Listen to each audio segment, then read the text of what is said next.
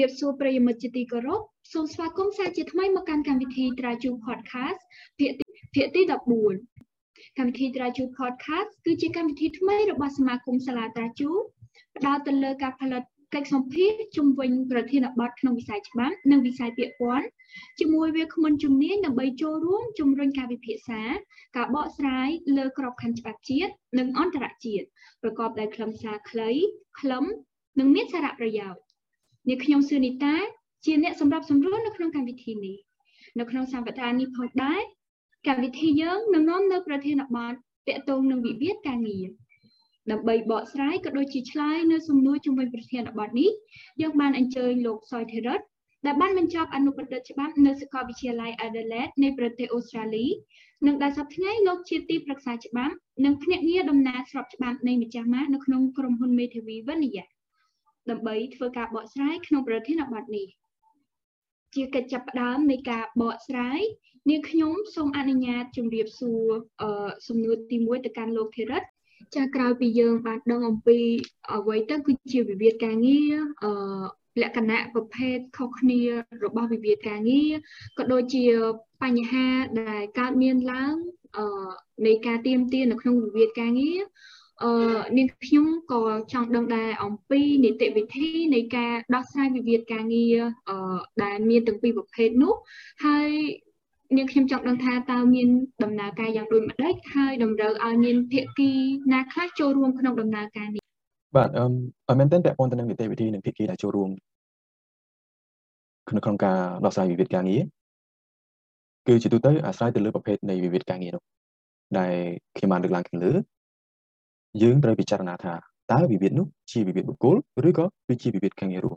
នៅពេលដែលយើងបានកំណត់អំពីនិយមន័យនៃវិវាទដែលកើតឡើងនោះថាវាជាវិវាទបុគ្គលឬក៏ជាវិវាទការងាររួមនោះយើងនឹងស្វែងយល់អំពីតើនីតិវិធីនឹងដំណើរការបន្តទៅយ៉ាងដូចម្តេចពាក់ព័ន្ធទៅនឹងយន្តការនៃការដោះស្រាយវិវាទបុគ្គលយើងដឹងហើយថាយន្តការនៃការដោះស្រាយវិវាទបុគ្គលគឺជាយន្តការដែលមានលក្ខណៈស្ម័គ្រចិត្តបានន័យថាគូភាគីគាត់មានសិទ្ធិយ៉ាងពេញលេញ ក្នុងការជ្រើសរើសនីតិវិធីសមស្របណាមួយសម្រាប់ការដោះស្រាយវិវាទរបស់ពួកគាត់ជាការកត់សម្គាល់យើងឃើញថានៅក្នុងបញ្ញត្តិដែលពាក់ព័ន្ធទៅនឹងនីតិវិធីនៃការដោះស្រាយវិវាទបុគ្គលនោះមានកំណត់នៅក្នុងមាត្រា301នៃច្បាប់ស្តីពីការងារឆ្នាំ1997មាត្រា300ថ្មីនៃច្បាប់ស្តីពីវិសោធនកម្មច្បាប់ស្តីពីការងារឆ្នាំ2021និងប្រកាសលេខ318ឆ្នាំ2021ស្តីពីនីតិវិធីនៃការដោះស្រាយវិវាទបុគ្គល ពាក់ព័ន្ធទៅនឹងនីតិវិធីនៃការដោះស្រាយវិវាទបុគ្គលគឺយើងអាចកត់សម្គាល់ថាជាទូទៅគឺឆ្លងកាត់ទៅនឹងនីតិវិធីក៏ដូចជាដំណាក់កាលដូចខាងក្រោមទី1នៅពេលដែលមានវិវាទបុគ្គលកើតឡើងចង់មិនចង់គូភាគីគាត់ត្រូវតែធ្វើការចរចាគ្នានៅថ្នាក់សហគ្រាសគឺស្ថានបានន័យថានៅក្នុងកិច្ចសន្យារបស់គូភាគីកិច្ចសញ្ញាការងារនោះសឹងតែរាល់កិច្ចសញ្ញាទាំងអស់បានកំណត់អំពីនីតិវិធីនៃការដោះស្រាយវិវាទបានថានៅពេលដែលមានវិវាទកើតឡើង ក្នុងរយៈពេលជាក់លាក់មួយគូភាគីត្រូវតែចរចាគ្នាក្នុងការស្វែងរកដំណោះស្រាយដ៏សមស្របណាមួយហើយក្នុងករណីខ្លះក៏មានកំណត់នៅក្នុងគោលនយោបាយរបស់សហគ្រាសគឺស្ថានផងដែរដែលតម្រូវឲ្យកម្មករយោជិកក៏ដូចជានយោជកនោះគាត់ត្រូវតែធ្វើការចរចាគ្នាដោយសន្តិវិធីដើម្បីស្វែងរកដំណោះស្រាយដ៏សមស្របសម្រាប់គូភាគីក្នុងករណីដែលការចរចានោះមិនទទួលបានលទ្ធផលសមស្របណាមួយឬក៏មិនស័ក្តិជា ច្បាប់ស្តីពីការងារក៏ដូចជាច្បាប់ស្តីពីសោតនកម្មច្បាប់ស្តីពីការងារឆ្នាំ2021បានផ្ដល់សិទ្ធិឲ្យភាគីក្នុងការស្វែងរកដំណោះស្រាយពីមន្ត្រីអធិការការងារនៅក្រសួងការងារនិងបណ្ដុំបណ្ដាលវិជ្ជាជីវៈឬក៏អាចនៅមន្ទីរការងារនិងបណ្ដុំបណ្ដាលវិជ្ជាជីវៈនៃវិវាទនោះគាត់អាចធ្វើការដឹងអំពីវិវាទបុគ្គលរបស់គាត់នោះទៅអធិការការងារបានប៉ុន្តែនៅទីនេះយន្តការនេះគឺជាយន្តការស្ម័គ្រចិត្តវាមិនបានចាប់បង្ខំគូវិគី ត្រូវតែប្តឹងទៅអធិការការងារឡើយប៉ុន្តែដល់ឡែកនៅពេលដែលភាគីម្ខាងគាត់ប្តឹងទៅអធិការការងារនោះនីតិវិធីនេះនឹងក្លាយទៅជានីតិវិធីចងកាតព្វកិច្ចរបស់ភាគីម្ខាងទៀតបានន័យថាភាគីម្ខាងទៀតនោះគាត់ត្រូវតែចូលរួមនីតិវិធីនៃការដោះស្រាយវិវាទបុគ្គលដូចនេះនៅពេលដែលវិវាទបុគ្គលនេះត្រូវបានប្តឹងទៅអធិការការងារជាដំបូងអធិការការងារគាត់នឹងធ្វើការសាកសួរព័ត៌មានពីគូភាគីដែលការសាកសួរព័ត៌មាននេះគឺនឹងធ្វើឡើងដាច់ដោយឡែកពីគ្នា ករណីដែលដើមចោតឬអ្នកតំណាងរបស់ដើមចោតនោះគាត់មិនបានចូលរួមផ្ដល់ព័ត៌មានក្នុងរយៈពេល3ថ្ងៃនៃថ្ងៃធ្វើការនោះទេពាក្យបណ្ដឹងដែលគាត់បណ្ដឹងទៅនឹងគឺនឹងត្រូវចាត់ទុកថាជាមុខងារបានន័យថាលែងមានពាក្យបណ្ដឹងទៀតហើយដូចគ្នានេះដែរនៅក្នុងករណីដែលចុងចោតឬក៏អ្នកតំណាងរបស់ចុងចោតគាត់មិនបានចូលរួមផ្ដល់ព័ត៌មានក្នុងរយៈពេល3ថ្ងៃដូចគ្នានៃថ្ងៃធ្វើការនោះភាគីចុងចោតនឹងត្រូវបានចាត់ទុកថាមានកំហុសដោយការចោទប្រកាន់បន្ទាប់ពីការសាកសួរព័ត៌មានដូចហើយ ជាគោលការណ៍ការផ្សព្វផ្សាយដោយអធិការការងារនឹងត្រូវធ្វើឡើងក្នុងរយៈពេល3សប្តាហ៍បន្ទាប់ពីគាត់ទទួលបណ្ដឹងក្នុងករណីដែលដើមចោតឬអ្នកតំណាងដើមចោតនោះគាត់មិនចូលរួមនៅក្នុងនីតិវិធីនៃការផ្សព្វផ្សាយរបស់អធិការការងារទេនោះពាក្យបណ្ដឹងរបស់គាត់នឹងត្រូវបានចាត់ទុកថាមុខៈដូចគ្នានឹងករណីខាងលើដែរចំពោះករណីដើមចោតវិញករណីចុងចោតវិញក្នុងករណីដែលចុងចោតគាត់មិនចូលរួមនៅក្នុងនីតិវិធីនេះនោះភាគីចុងចោតនឹងត្រូវចាត់ទុកថាមានកំហុសដោយការចោទប្រកាន់ ជាដំណាក់កាលបន្ទាប់បើសិនជាគូភាគីនៅតែមិនអាចសាជាគ្នាបានឬក៏មិនទទួលបានលទ្ធផលដែលគាត់ចង់ទទួលបានជាជំរឿននៃដំណាក់កាលបន្ទាប់គឺតាមរយៈមាត្រា300ថ្មីនៃច្បាប់ស្តីពីវិសោធនកម្មច្បាប់ស្តីពីការងារឆ្នាំ2021នោះគឺបានផ្ដល់ជំរឿនពីដល់គូភាគីបានន័យថាគាត់អាចដឹងទៅក្រុមប្រឹក្សាអាជ្ញាកណ្ដាលឲ្យក្រុមប្រឹក្សាអាជ្ញាកណ្ដាលធ្វើការដោះស្រាយឬក៏ប្តឹងទៅតុលាការការងារ នៅទីនេះវាគឺជាការវិវត្តថ្មីមួយនៃការធ្វើវិសោធនកម្មនៃច្បាប់ស្តីពីការងាររបស់យើងឆ្នាំ1997ដែលមុននឹងការធ្វើវិសោធនកម្មនេះយើងឃើញថាវិវាទបុគ្គលគឺជាទូទៅអត់ត្រូវឆ្លងកាត់នៅដំណាក់កាលនៃការដោះស្រាយដោយក្រុមប្រឹក្សាអាជ្ញាកណ្ដាលនោះឡើយប៉ុន្តែយោងតាមបទបញ្ញត្តិមាត្រា300ថ្មីនៃច្បាប់ស្តីពីវិសោធនកម្មច្បាប់ស្តីពីការងារ2021នេះបានផ្ដល់សិទ្ធិនិងជំរឿសថ្មីមួយទៀតដល់ភាគីក្នុងការស្វែងរកដំណោះស្រាយនៃក្រុមប្រឹក្សាអាជ្ញាកណ្ដាល យើងឃើញថាយន្តការនេះគឺនឹងជួយឲ្យគូភាគីនេះគាត់ខ្សះជាគ្នាបន្តនៅតំណែងតំណងផ្នែកការងារក៏ដូចជាប្រតិបត្តិនៅផ្នែកក្រោយហើយជៀសវាងក្នុងការដែលវិវាទបុគ្គលនោះក្នុងករណីខ្លះវាអាចបំលែងទៅជាវិវាទការងាររួមប៉ុន្តែយ៉ាងណាក៏ដោយនីតិវិធីលម្អិតនៃការដោះស្រាយវិវាទបុគ្គលនេះនៅក្រមប្រសាញ្ញាកដាលគឺនឹងត្រូវកំណត់ដោយប្រកាសរបស់រដ្ឋមន្ត្រីក្រសួងទទួលបន្ទុកវិស័យការងារដែលក្នុងពេលបច្ចុប្បន្នគឺយើងអត់តមានប្រកាសនេះទេប៉ុន្តែនៅពេលខាងមុខ យើងនឹងមានប្រកាសស្ដីអំពីនីតិវិធីលម្អិតនៃការដោះស្រាយវិវាទការងារបុគ្គលនេះវិវាទបុគ្គលនេះគឺនៅក្រមប្រសាញ្ញាកដាលហើយនៅក្នុងជំរឿននេះមួយទៀតដដែលគឺយើងឃើញយើងយើងយើងឃើញថានៅក្នុងច្បាប់ស្តីពីការងារគឺបានផ្ដល់សិទ្ធិឲ្យគូភាគីក្នុងការប្តឹងទៅតុលាការដែលយើងឃើញថានៅក្នុងពេលបច្ចុប្បន្នគឺយើងគូភាគីគាត់អាចប្តឹងទៅតុលាការក្នុងរយៈពេល2ខែក្នុងករណីដែលគាត់ផ្សព្វផ្សាយមិនសាជាដោយអធិការការងារបើសិនជាគាត់មិនប្តឹងក្នុងរយៈពេល2ខែនោះទេគឺសិទ្ធិក្នុងការប្តឹងទៅតុលាការនោះគឺនឹងត្រូវផាត់រលត់ចំពោះ វិវាទការងាររួមវិញយន្តការនៃការដោះស្រាយឲ្យមែនតើគឺមិនខុសគ្នាប្រហែលទេប៉ុន្តែការដោះស្រាយវិវាទការងាររួមគឺអនុវត្តទៅតាមយន្តការនៃការដោះស្រាយវិវាទក្រៅប្រព័ន្ធតុលាការដែលវាមានលក្ខណៈចាំខំដែលវាខុសពីវិវាទបុគ្គលមានន័យថាគូភាគីគាត់ត្រូវតែអនុវត្តតាមក៏ដូចជាអនុលោមតាមនីតិវិធីនៃការដោះស្រាយវិវាទការងាររួមនោះទៅតាមការកំណត់តាមច្បាប់ និងលិខិតបទដ្ឋានគតិយុត្តផ្នែកការងារដែលពាក់ព័ន្ធតែយើងឃើញថាបញ្ញត្តិពាក់ព័ន្ធទៅនឹងនីតិវិធីនៃការដោះស្រាយវិវាទការងាររួមគឺមាននៅក្នុងច្បាប់ស្តីពីការងារឆ្នាំ1997តាមរយៈមាត្រា302ដល់មាត្រា317និងប្រកាសលេខ317ឆ្នាំ2021ស្តីពីនីតិវិធីនៃការដោះស្រាយវិវាទការងាររួមចំពោះនីតិវិធីលម្អិតនៃការដោះស្រាយវិវាទការងាររួមដូចគ្នាទៅនឹងវិវាទបុគ្គលដែរដែលជាដំបូងនោះគាត់ត្រូវតែចរចាគ្នានៅថ្នាក់សាធារណស្ថានជា ទូទៅនៅក្នុងគោលនយោបាយក៏ដូចជា នៅក្នុងនៅនៅសាធារណស្ថានខ្លះគាត់មាន ជាសិភៅណែនាំអំពីកម្មករយោជិកអីជាដើមនោះអញ្ចឹងគាត់កំណត់អំពីនីតិវិធីនៃការដោះស្រាយវិវាទការងាររួមបានន័យថានៅពេលដែលមានវិវាទការងាររួមកើតឡើងគឺគូភាគីគាត់ត្រូវតែចូលរួមក្នុងការចរចាគ្នាដើម្បីដោះស្រាយវិវាទនោះហើយក្នុងករណីដែលគាត់ផ្សះចរចាគ្នាមិនបានទទួលលទ្ធផលឬក៏មិនបានសាជា ជាដំណាក់កាលបន្ទាប់គឺគាត់អាចគឺគាត់ត្រូវតែផ្សះផ្សាវិវាទរបស់ពួកគាត់នៅក្នុងដំណាក់កាលដំណាក់កាលអធិការការងារដែលនេះគឺជាកាតព្វកិច្ចរបស់ពួកគាត់ត្រូវតែចូលរួមក្នុងទេវទីនៃការដោះស្រាយនៅក្នុងដំណាក់កាលអធិការការងារជាទូទៅមន្ត្រីផ្សះផ្សាវិវាទការងារនឹងត្រូវបានចាត់តាំងក្នុងរយៈពេលគឺ48ម៉ោងបន្ទាប់ពីគាត់ទទួលពាក្យបណ្ដឹងឬក៏គាត់បានដឹងអំពីវិវាទនោះក្នុងករណីខ្លះវិវាទនោះវាប៉ះពាល់ទៅដល់សន្តិភាពសាធារណៈក៏ដូចជាសន្តិសុខសង្គមនោះ មន្ត្រីផ្សះផ្សាវិវាទដែលត្រូវបានចាត់តាំងដោយរដ្ឋមន្ត្រីនៃក្រសួងទទួលបន្ទុកវិស័យការងារនោះគឺនឹងត្រូវចាត់តាំងមន្ត្រីផ្សះផ្សាវិវាទនោះភ្លាមភ្លាមតែម្ដងដើម្បីធ្វើការផ្សះផ្សានៅទីកន្លែងវិវាទនោះអញ្ចឹងក្នុងរយៈពេល15ថ្ងៃបន្ទាប់ពីការចាត់តាំងរបស់រដ្ឋមន្ត្រីមន្ត្រីផ្សព្វផ្សាយនោះគាត់ត្រូវតែធ្វើការផ្សព្វផ្សាយគូភាគីហើយការផ្សព្វផ្សាយជាទូទៅគឺអាចធ្វើឡើងជាច្រើនដងបានបើសិនជាមានការស្នើសុំពីពីពីពីគូភាគីគូក៏សង្កត់ដែរថានៅទីនេះនៅក្នុងដំណាក់កាលនៃការ នៅក្នុងដំណើរការនៃការផ្សព្វផ្សាយគូភាគីក៏ត្រូវតែចូលរួមនិងត្រូវបញ្ឈប់រាល់វិធានការនៃវិវាទទាំងអស់ដែលមានដូចជាការប្រកួតកម្មការធ្វើឡុកឲ្យជាដើមបើមិនដូច្នេះទេគាត់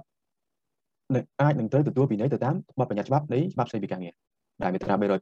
នៃច្បាប់ស្តីពីការងារបានកំណត់កាតព្វកិច្ចរបស់ពួកគាត់ត្រូវតែចូលរួមទៅទីនៃការដោះស្រាយមិនបញ្ឈប់រាល់វិធានការនៃវិវាទទាំងអស់នៅក្នុងករណីដែលការផ្សព្វផ្សាយនឹងនៅតែមិនសះជា អឹមជាដំណាក់កាលបន្ទាប់គឺប្រធានយុគឋាននៃវិវាទការងារក៏ដូចជាប្រធានមន្ត្រីការងារនៃវិវាទនោះគាត់នឹងធ្វើបណ្ដឹងទៅក្រុមប្រឹក្សាអាជ្ញាកណ្ដាលហើយគាត់នឹងត្រូវចេញលិខិតមួយដើម្បីទទួលស្គាល់ប៉ុនទីពូក្រុមប្រឹក្សាចរចាសម្រាប់ការដោះស្រាយវិវាទការងាររួមដើម្បីជាតំណាងរបស់កម្មករនិយោជិតមួយក្រុមនៃការទៀមទានៅក្នុងដំណាក់កាលទី3នេះយើងឃើញថា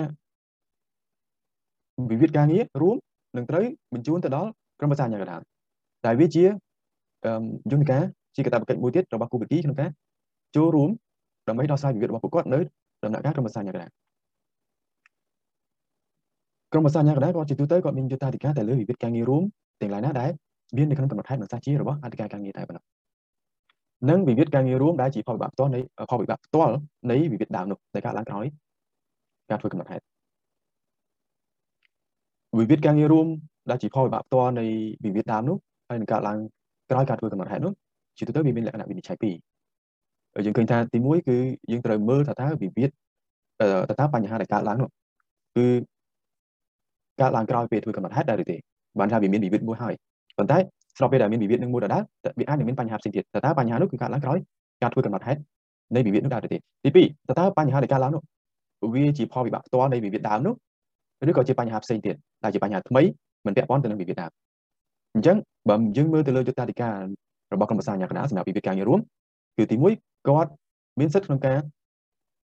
ដោះស្រាយទៅលើវិវាទដែលមាននៅក្នុងដែលមានតែនៅក្នុងកំណត់ហេតុមិនសាជារបស់អធិការការងារតែប៉ុណ្ណោះនិងទី2ក៏មានយុត្តាធិការផងដែរទៅលើវិវាទការងាររួម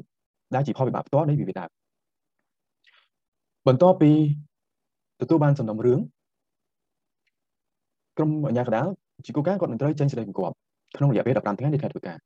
ហើយបន្ទាប់មកសេចក្តីបង្គាប់របស់គាត់នោះគឺនឹងត្រូវជូនដំណឹងភ្លាមទៅ រដ្ឋមន្ត្រីក្រសួងទទួលបន្ទុកវិស័យការងារនិងគូភាគីខ្ញុំសូមលើកឡើងថាសេចក្តីបង្គាប់នៅទីនេះវាគឺជាសេចក្តីសម្រាប់ជាលិលាអក្សរនិងជាសេចក្តីសម្រាប់ចុងក្រោយរបស់ក្រុមអាជ្ញាកណ្ដាលដែលក្រុមអាជ្ញាកណ្ដាលយើងដឹងហើយថាមានសមាជិកត្រីភាគីបានន័យថាមានការជ្រើសតាំងដោយគូភាគីនៃវិវាទកម្មករយោជិកនិងភាគីនយោជកបន្តមកភាគីទាំងអាជ្ញាកណ្ដាលនៃភាគីទាំងសងការគាត់នឹងជ្រើសរើសអាជ្ញាកណ្ដាលមួយទៀតដែលគាត់មាននៅក្នុងបញ្ជីនៃក្រសួងការងារអឹម សេចក្តីបង្គាប់នៅក្រុមប្រឹក្សាអាជ្ញាកណ្ដាលគឺត្រូវបានបែងចែកជាពីរប្រភេទដែលទី1គឺសេចក្តីបង្គាប់ជាប់កាតព្វកិច្ចនិងទី2សេចក្តីបង្គាប់មិនជាប់កាតព្វកិច្ចចំពោះសេចក្តីបង្គាប់ជាប់កាតព្វកិច្ចជាប់កាតព្វកិច្ចជាសេចក្តីបង្គាប់ដែលចងកាតព្វកិច្ចរបស់គូភាគីហើយវាមានប្រសិទ្ធភាពអនុវត្តភ្លាមតែភាគីក៏ផ្នែកប្រឹងជំទាស់បានដែរផ្ទុយទៅវិញចំពោះសេចក្តីបង្គាប់មិនជាប់កាតព្វកិច្ចវាជាសេចក្តីបង្គាប់ដែលមិនចាប់បង្ខំគូភាគីឲ្យអនុវត្តតាមឡើយហើយគូភាគីគាត់មានសិទ្ធិប្រឹងជំទាស់បាននៅ ក្នុងរយៈពេលជាក់លាក់ដែលជា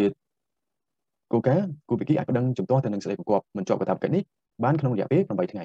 ហើយក្នុងករណីដែលគាត់មិនប្តឹងជំទាស់ទៅនឹងសេចក្តីបង្គាប់នេះទេនោះសេចក្តីបង្គាប់នេះនឹងคล้ายទៅជាសេចក្តីបង្គាប់ចងកាតព្វកិច្ចរបស់គូភាគីចាក្រោយពីបានជ្រាបអំពីនីតិវិធីនៃការដោះស្រាយវិវាទការងារ អឺនាងខ្ញុំក៏សង្កេតឃើញដែរថានៅពេលដែលមានវិវាទការងារកើតឡើងអឺគឺតែងតែលើពាក្យថាកោតកម្មនិងពាក្យឡោកអាវហើយនៅពេលដែល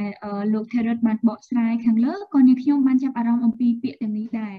អឺនាងខ្ញុំមានចម្ងល់ត្រង់ថាតើពាក្យទាំងពីរនេះមានអត្ថន័យដូចម្ដេចដែរហើយនៅពេលណាដែលភាគីនៃវិវាទគាត់ប្រើពាក្យថាកោតកម្មឬក៏ពាក្យ lock out នេះបានចា៎បាទអឺពាក្យកោតកម្មនិង lock out មែនទែនត្រូវបានចាត់ទុកថាជាប្រភេទនៃសកម្មភាពឧស្សាហកម្មដែល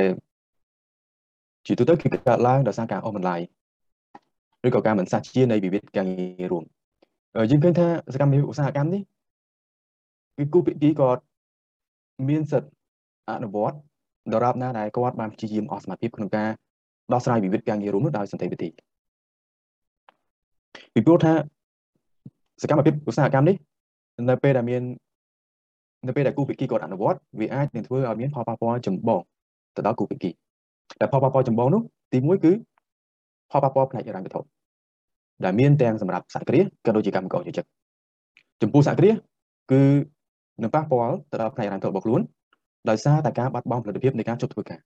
បើន័យថារោងចក្រគាត់មិនមានផលិតកម្មនៅឡើយដូចគ្នានេះដែរ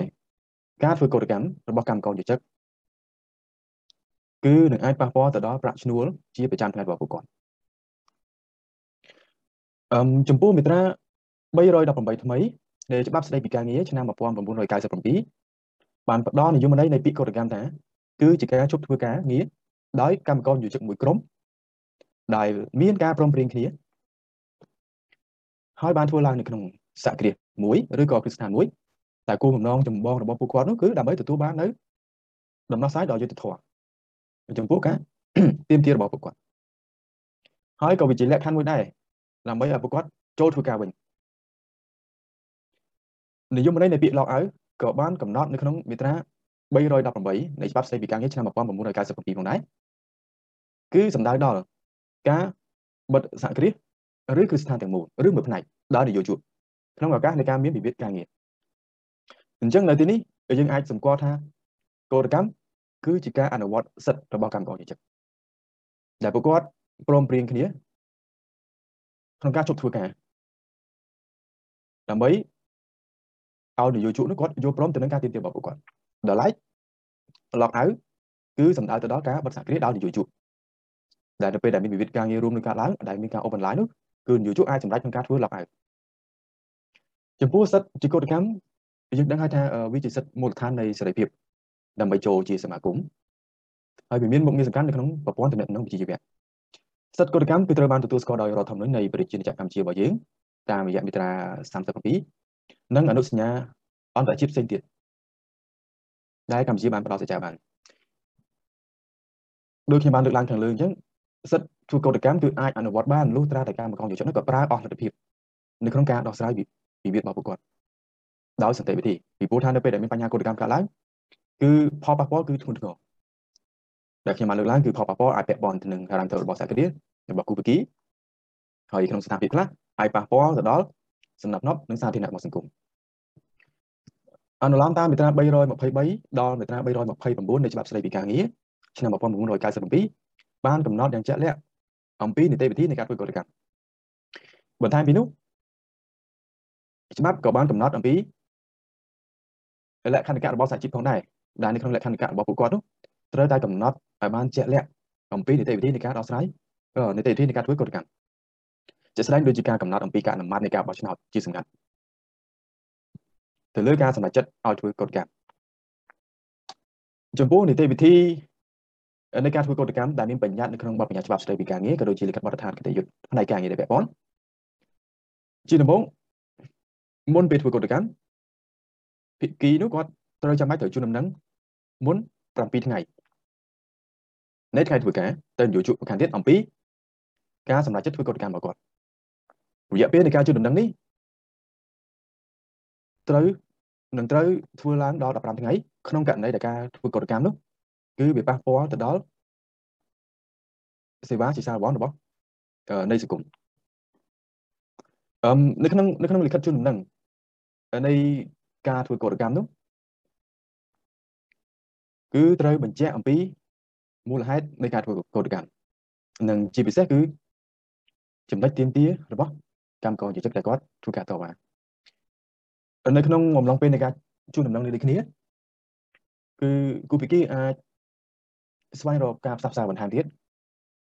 បើន័យថាការផ្សះផ្សាមិនត្រូវបានរដ្ឋបិទនៅឡើយក្នុងគោលបំណងថាបញ្ជាអំពីបញ្ហាកុលកម្មនឹងព្យាយាមធ្វើយ៉ាងណាឲ្យគូភិគីមានការសាជីគ្នា ហើយមួយទៀតគូភិគីវិវាទនោះផងដែរគាត់ត្រូវតែចូលរួមប្រជុំដើម្បីរៀបចំបង្កើតឲ្យមានសេវាអបបមានៅក្នុងសហគមន៍ស្ថាននៅពេលដែលមានបញ្ហាកុលកម្មកើតឡើងសេវាបបមានៅទីនេះគឺសំដៅទៅដល់ថាការធានាថានៅពេលដែលមានបញ្ហាកើតឡើងគឺសម្ភារៈក៏ដូចជាគ្រឿងថបនភ័ណ្ឌនិងគ្រឿងបរិខារបស់សហគ្រាសនោះត្រូវបានថែរក្សាដោយកម្មករជំនុំក្រុម ព្រោះយើងដឹងហើយថានៅពេលដែលមានបញ្ហាវិវាទនៅពេលដែលមានបញ្ហាកោតកម្មកើតឡើងគឺចង់មិនចង់អាចនឹងមានការអស់បន្លាយអញ្ចឹងនៅក្នុងសហគ្រាសគឺស្ថានមួយចំនួនគាត់ចាំបាច់ត្រូវតែមានការតែងតាំងកម្មករយោជិកខ្លះដើម្បីធ្វើការថែរក្សានៅឧបករណ៍ក៏ដូចជាសម្ភារៈសម្រាប់ផលិតកម្មបើមិនដូច្នោះទេនៅពេលដែលសហគ្រាសនេះគាត់ចាប់ផ្ដើមដំណើរការឡើងវិញវាអាចមានការខូចខាតទៅនឹងគ្រឿងបរិការរបស់សហគ្រាសទៅនោះម្យ៉ាងវិញទៀតនៅក្នុងអំឡុងពេលនៃការជួយដំណឹងនេះដូចគ្នា ក្នុងករណីខ្លះការធ្វើកោតកម្មវាអាចប៉ះពាល់ទៅដល់សេវាជាសាជាជាជាជាសារវ័នឧទាហរណ៍ជាក់ស្ដែងពាក់ព័ន្ធនឹងសេវាជាសារវ័ននេះនៅពេលដែលការផ្អាកសកម្មភាពរបស់សេវាឬក៏សហគ្រាសមួយនោះគឺអាចនឹងមានឲ្យគ្រោះថ្នាក់ក៏ដូចជាប៉ះពាល់ទៅដល់សន្តិសុខនិងសុខភាពរបស់ប្រជាជនអញ្ចឹងត្រូវធានាថាការកោតកម្មរបស់គាត់គាត់មានសិទ្ធិអនុវត្តក្នុងការធ្វើប៉ុន្តែក៏ត្រូវធានាថាការការធ្វើកោតកម្មនោះ គឺមិនត្រូវប៉ះពាល់ទៅដល់សេវាជាសាវ័នដែលសហគ្រាសនោះគាត់ផ្ដល់ទៅឲ្យប្រជាពលរដ្ឋផ្សេងក៏ដូចជាសង្គមឡើយហើយដូចគ្នានោះដែរសិទ្ធិធ្វើកតកម្មដែលធ្វើដោយនយោជកគឺត្រូវអនុវត្តទៅតាមបទបញ្ញត្តិនិងនីតិវិធីដូចគ្នាទៅនឹងការអនុវត្តសិទ្ធិនៃការធ្វើកតកម្មដែលមានបញ្ញត្តិនៅក្នុងមាត្រា322នៃច្បាប់ស្តីពីការងារឆ្នាំ1997ចាសសូមអរគុណលោកសុយខេរិតដែលបានបកស្រាយ ប្រធានបទអំពីវិវាទការងារយ៉ាងពិស្ដារនិងមានខ្លឹមសារអត្ថន័យជាថ្មីម្ដងទៀតនាងខ្ញុំសូមថ្លែងអំណរគុណដល់លោកដែលបានចំណាយពេលវេលាក្នុងការបកស្រាយប្រធានបទនេះក្នុងកម្មវិធីរបស់ពួកយើងជាមួយគ្នានេះដែរនាងខ្ញុំសូមថ្លែងអំណរគុណដល់ប្រិយមិត្តដែលបានតាមដានស្ដាប់កម្មវិធី Traju Podcast របស់សមាគមសាលា Traju thank you